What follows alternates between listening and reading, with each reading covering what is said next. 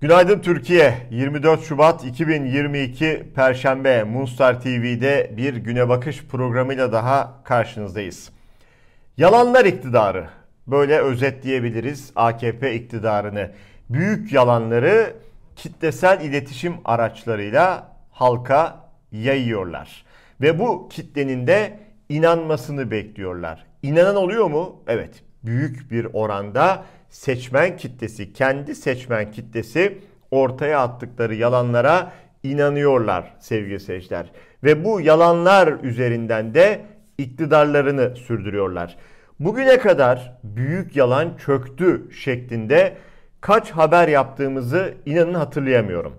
Birçok AKP'nin yalanı çöktü ve birçoğunu da biz bu ekranlardan, farklı ekranlardan, daha önce çalıştığımız kurumlardan sizlere aktardık.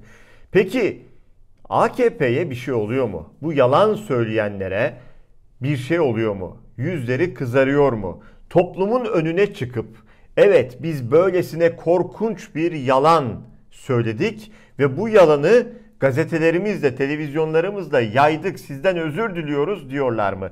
Demiyorlar. Bakın yıllar önce yine yandaş gazeteler aracılığıyla yayılan hem çok büyük hem çok korkunç bir yalan daha çöktü. Büyük yalan çöktü, yazışmalar sahte, haberler uydurma çıktı. Tayyip Erdoğan'ın kızı Sümeyye Erdoğan'a suikast yalanı tamamen çöktü. Savcılık iktidara yakın gazetelerde manşet yapılan CHP'li Umut Oran ve Fuat Avni'nin yazışmalarının sahte çıktığını tespit etti. Yapılan haberlerin de yalan olduğu belirtilirken Bakırköy Basın Savcılığı takipsizlik kararı verdi. Sümeyye Erdoğan'a suikast girişiminde bulunulduğu iddiasıyla ilgili 2015'te yandaş medya haberler yapmış. AKP'li Tayyip Erdoğan da bu yalanı demeçleriyle desteklemişti. Akşam ve Güneş gazetesinde gündeme gelen yazışmalar üzerine dönemin CHP milletvekili Umut Oran'la Akif Hamza Çebi böyle bir yazışma yapmadıklarını, kendilerine iftira atıldığını beyan ederek Ankara Cumhuriyet Başsavcılığına suç duyurusunda bulundu. Ankara Savcılığı görevsizlik kararıyla dosyayı İstanbul Basın Savcılığına gönderdi. Hürriyet'ten Nurettin Kurt'un haberine göre soruşturma dosyalarına bakan sonra ilk kez parlamentodaki tek başına iktidar çoğunluğunu kaybetmişti.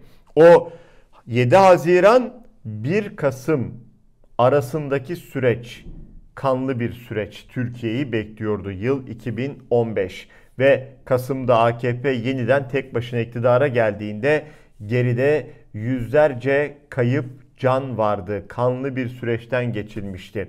İktidar uğruna sevgili seyirciler, iktidar uğruna bu ülkede neler yapıldı neler diyoruz ya kaç defa yaptığımızı hatırlayamıyorum. Büyük yalan çöktü şeklinde haberler ama o medya organlarının, yandaş kanalların, AKP'nin kalemşörlerinin ne görev yaptıkları artık aslında çok daha net ortaya çıkıyor. Yıl 2015 bakın gelmişiz 2022'ye. O gün bu korkunç yalanları ortaya atanlar halen görevlerinin başındalar. Hatta Erdoğan'ın uçağında yolculuklar yapıyorlar. Saygın gazetecilermiş gibi ağırlanıyorlar. Televizyon kanallarında geziniyorlar ve hiç yüzleri kızarmıyor maalesef. Devam edelim. Ekonomiye dair çok çok önemli haberler var. Tablo korkunç ama dedik ya bu yalan dolan medya organları bu anlamda da görevlerini yapıp ülkedeki gerçek ekonomik kriz tablosunu yokmuş gibi yansıtmaya çalışıyorlar ve bir kere daha halka yalan söylüyorlar. İyi Parti lideri Meral Akşener meclisteki konuşmasında Tarkan'ın şu ortalığı kasıp kavuran son şarkısıyla geçecekle ilgili bakın neler söyledi. Biliyorsunuz geçtiğimiz günlerde Tarkan bir şarkı çıkardı yaşadığımız bu kötü günlerin geride kalacağını söyleyen umut var bir şarkı. Ama nedense bu şarkı bazılarına çok ağır geldi. Bu öyle bir garip zihniyet ki bu kötü günler geride kalacak diye şarkı söylenmesine bile tahammülleri yok. Şarkıda küfür yok, hakaret yok, umut var. Ama bu arkadaşların o umuda bile alerjileri var. Kimlere alerjileri yok biliyor musunuz? Mesela kendilerini eleştirmek yerine kuzu kuzu oturanlara alerjileri yok. Mesela havuz medyasındaki dilli düdüklere alerjileri yok. Mesela ihaleleri hüp diye götüren aa acayip müteahhitlere alerjileri yok. Aslında Tarkan geçecek diye şarkı yapınca arıza çıkarmaları çok normal. Çünkü bence de geçecek bitecek.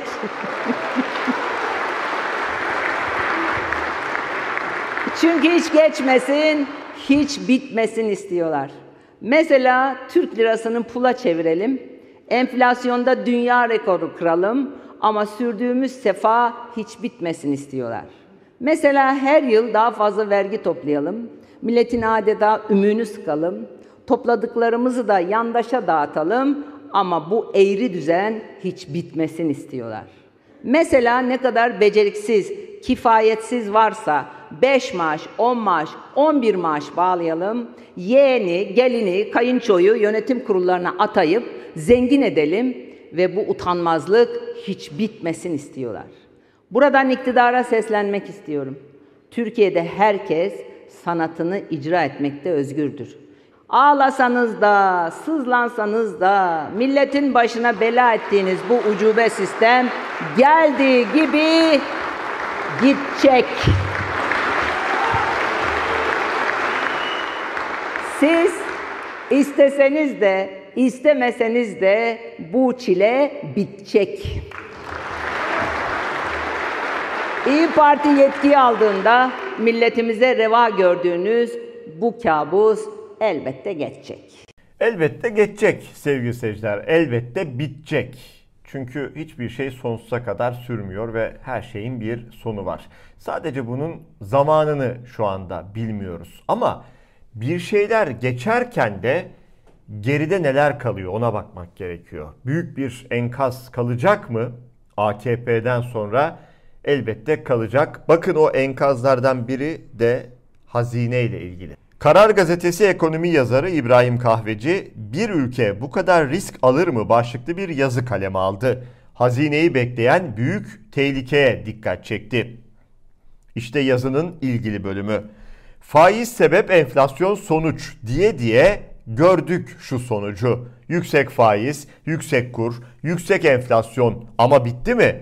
Önceki gün kamu borç stoku verileri açıklandı. Ocak 2018'de 893 milyar lira olan borç 4 yıl sonra Ocak 2022'de 2 trilyon 844 milyar liraya yükseldi. Borç artışı çığ gibi. Çünkü kurlar artıyor. Çünkü iç borçlanmayı bile Amerikan dolarıyla yaptılar. Son veriye göre kamu borç stokunun 1 trilyon 895 milyar liralık kısmı %67'si dövizlerden oluşmaktadır.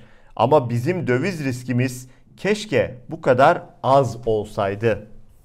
Peki ekonomide bir enkaz varken AKP iktidarı ne yapıyor? AKP iktidarı 1. Yalanlıyor 2. Görmezden geliyor 3. Ters algıyla yani işler yolunda gidiyor diyerek de bir anlamda kendi seçmenini sabit tutmaya çalışıyor. Bakın CHP'den dikkat çeken bir açıklama var. Damada gönderme yapıyor CHP. Ekonomiden sorumlu bir damadımız vardı ya Berat Albayrak. Yok ortalıklarda ne yaptığını kimse bilmiyor. Damadı bile mumla arayacağız diyor CHP. Bir gecede Cumhuriyet tarihinin en büyük zammını yapmayı becerdiler. İki aydır biraz indirim yapacaklar nasıl yapacaklarını beceremiyorlar. İki aydır ne düşünüyorsun Erdoğan? Yapacağın belli. Zammı geri alacaksın kardeşim. KDV indirdim. Yetmez. Esnafa yüzde yirmi beş indirim yapacağım. Yapsan ne olur? Adam 4 bin lira kira ödüyor. 4700 lira elektrik faturası gelmiş. Yüzde yirmi beşini indirsen ne olur? Yüzde yüz ikisi ne olacak? Yetmez Erdoğan yetmez. Bu zamları büyük oranda geri çekeceksin. KDV, MADV bu işi kurtarmaz. Fahiş fiyatla mücadele ediyorsun. Cezaları arttıracağım, depolara baskın. Fahiş fiyat noktasında mücadele edeceksen Tayyip Erdoğan olarak Recep Erdoğan'la mücadele edebilirsin. Çünkü Türkiye'de fahiş fiyatın ağ babası mesulü Recep Tayyip Erdoğan. Kandırıldım Allah affetsin. Tutturdum bir Allah affetsin gidiyorsun. Cenab-ı Allah seni affeder affetmez bilmem. Ama millet ilk sandıkta seni affetmediğini gösterecek. Ama gittikçe denge daha çok bozuluyor gibi geliyor bana. Bir ara damadı kendine ekonomide rehber yaptın. Onun masallarını dinledin. Şimdi neredeyse damadı mumlayacağız. Çünkü Erdoğan'ın yeni rehberi şu. Akbaşoğlu matematiği Yeliz kafası. Şu anda ekonomiyi ve Türkiye'yi böyle sevk ve idare ediyor. Gel etme Erdoğan. Akbaşoğlu matematiği seni de batırır. Senin batman benim umurumda değil ama ülke batar. Yeliz kafası da seni de batırır. Yeliz kafası bir şey daha yapar. Partini de batırır. Aklında bulunsun benden sana söylemesi. Sevgili seyirciler HDP'den milyonlarca ge- genci ilgilendiren ama KYK borçlusu gençleri ilgilendiren çok önemli bir kanun teklifi var. Şu anda 6 milyon genç Kredi Yurtlar Kurumu'na borçlu değerli arkadaşlar. Gençlere borç değil burs verelim diyerek bir yasa teklifi hazırladık. Ve şu ana kadar da kangren haline gelen tüm borçların silinmesini öneriyoruz değerli arkadaşlar. Yalnızca faizinin değil, taksitlendirme değil, tüm borçların silinmesini öneriyoruz. Şimdi diyeceksiniz ki bu mümkün mü? AKP'ler hemen soracak kaynak nerede? Sen 6 milyon gencin borcunu sileceksin. Kaynak nerede? Kaynak bütçede. Bütçeden 5 yandaş müteahhite akan kaynakları bakın yalnızca 5 yandaş müteahhit diyorum akan kaynakları durdurursak 6 milyon gencin kredi yurtlar kurumuna borcunu silebiliriz arkadaşlar. Sevgili seyirciler zaman zaman muhalefet de eleştiriliyor. Neden eleştiriliyor? İktidarın politikaları ve bu ülkeyi çökerten siyaseti karşısında biraz pasif kalmakla eleştiriliyor. Siz aynı fikirde misiniz değil misiniz bilmiyorum ama usta sanatçı Müjdat Gezen bakın ne diyor. Müjdat Gezen'den muhalefete bir uyarı var. Sertleşin diyor usta sanatçı Müjdat Gezen. Bence muhalefet ne yapıp yapıp sandığın getirilmesini sağlamalı. Arkasında onları iktidara taşıyacak koca bir güç duruyor diyor Gezen. Anketleri bir kenara bıraksanız bile en klasik söylemle çarşı pazar her şeyi bozar diyerek biraz onların size davrandığı gibi davranmanın yararı olacaktır kanısındayım. Fazla terbiye bazı yemeklerin bile tadını bozar diyor Müjdat Gezen. Bir hırsızlık olayıyla veya bir hırsızlık iddiasıyla diyelim özellikle sosyal medya çalkalandı. Çünkü görüntüler, güvenlik kamerası görüntüleri ortaya çıktı. Birçok haber sitesinde de bu görüntüler paylaşıldı. Biz şu anda paylaşmayacağız. Kimle ilgili görüntüler? Ekranda gördüğünüz isim Devlet Bahçeli'nin hemen yanındaki Metin Özkan yani Bahçeli'nin danışmanı çantadan para alma görüntüleri ortaya kameralarla çıkan Metin Özkan bakın kendini nasıl savunuyor. Devletime düşman kirli eller tarafından oluşturulan görüntüler kamuoyuna sunuldu. Bir gazeteci meslektaşımız Sertaç Ak'tan güzel yazmış. Diyor ki bu adamlar böyle.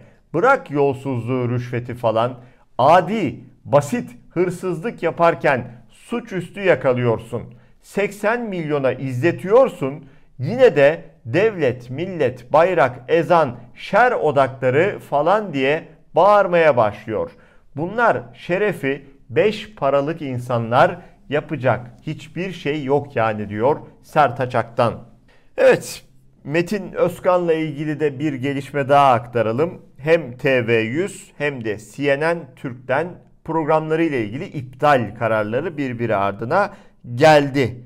Demek ki bu vatan millet edebiyatı TV100'ün de CNN Türk'ün de ilgisini çekmemiş. Pek onlar inanmamışlar. Sedat Peker'le ilgili bir gelişme var.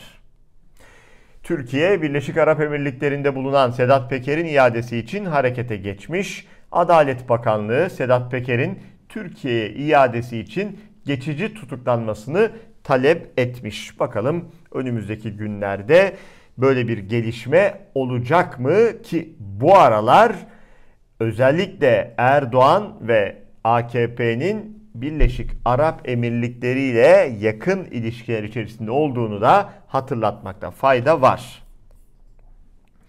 Bu haberle birlikte bugünün güne bakışını noktalıyoruz. Cuma sabahı Türkiye saatiyle 9'da her zaman olduğu gibi yine güne birlikte başlayabilme ümidiyle. Hoşçakalın.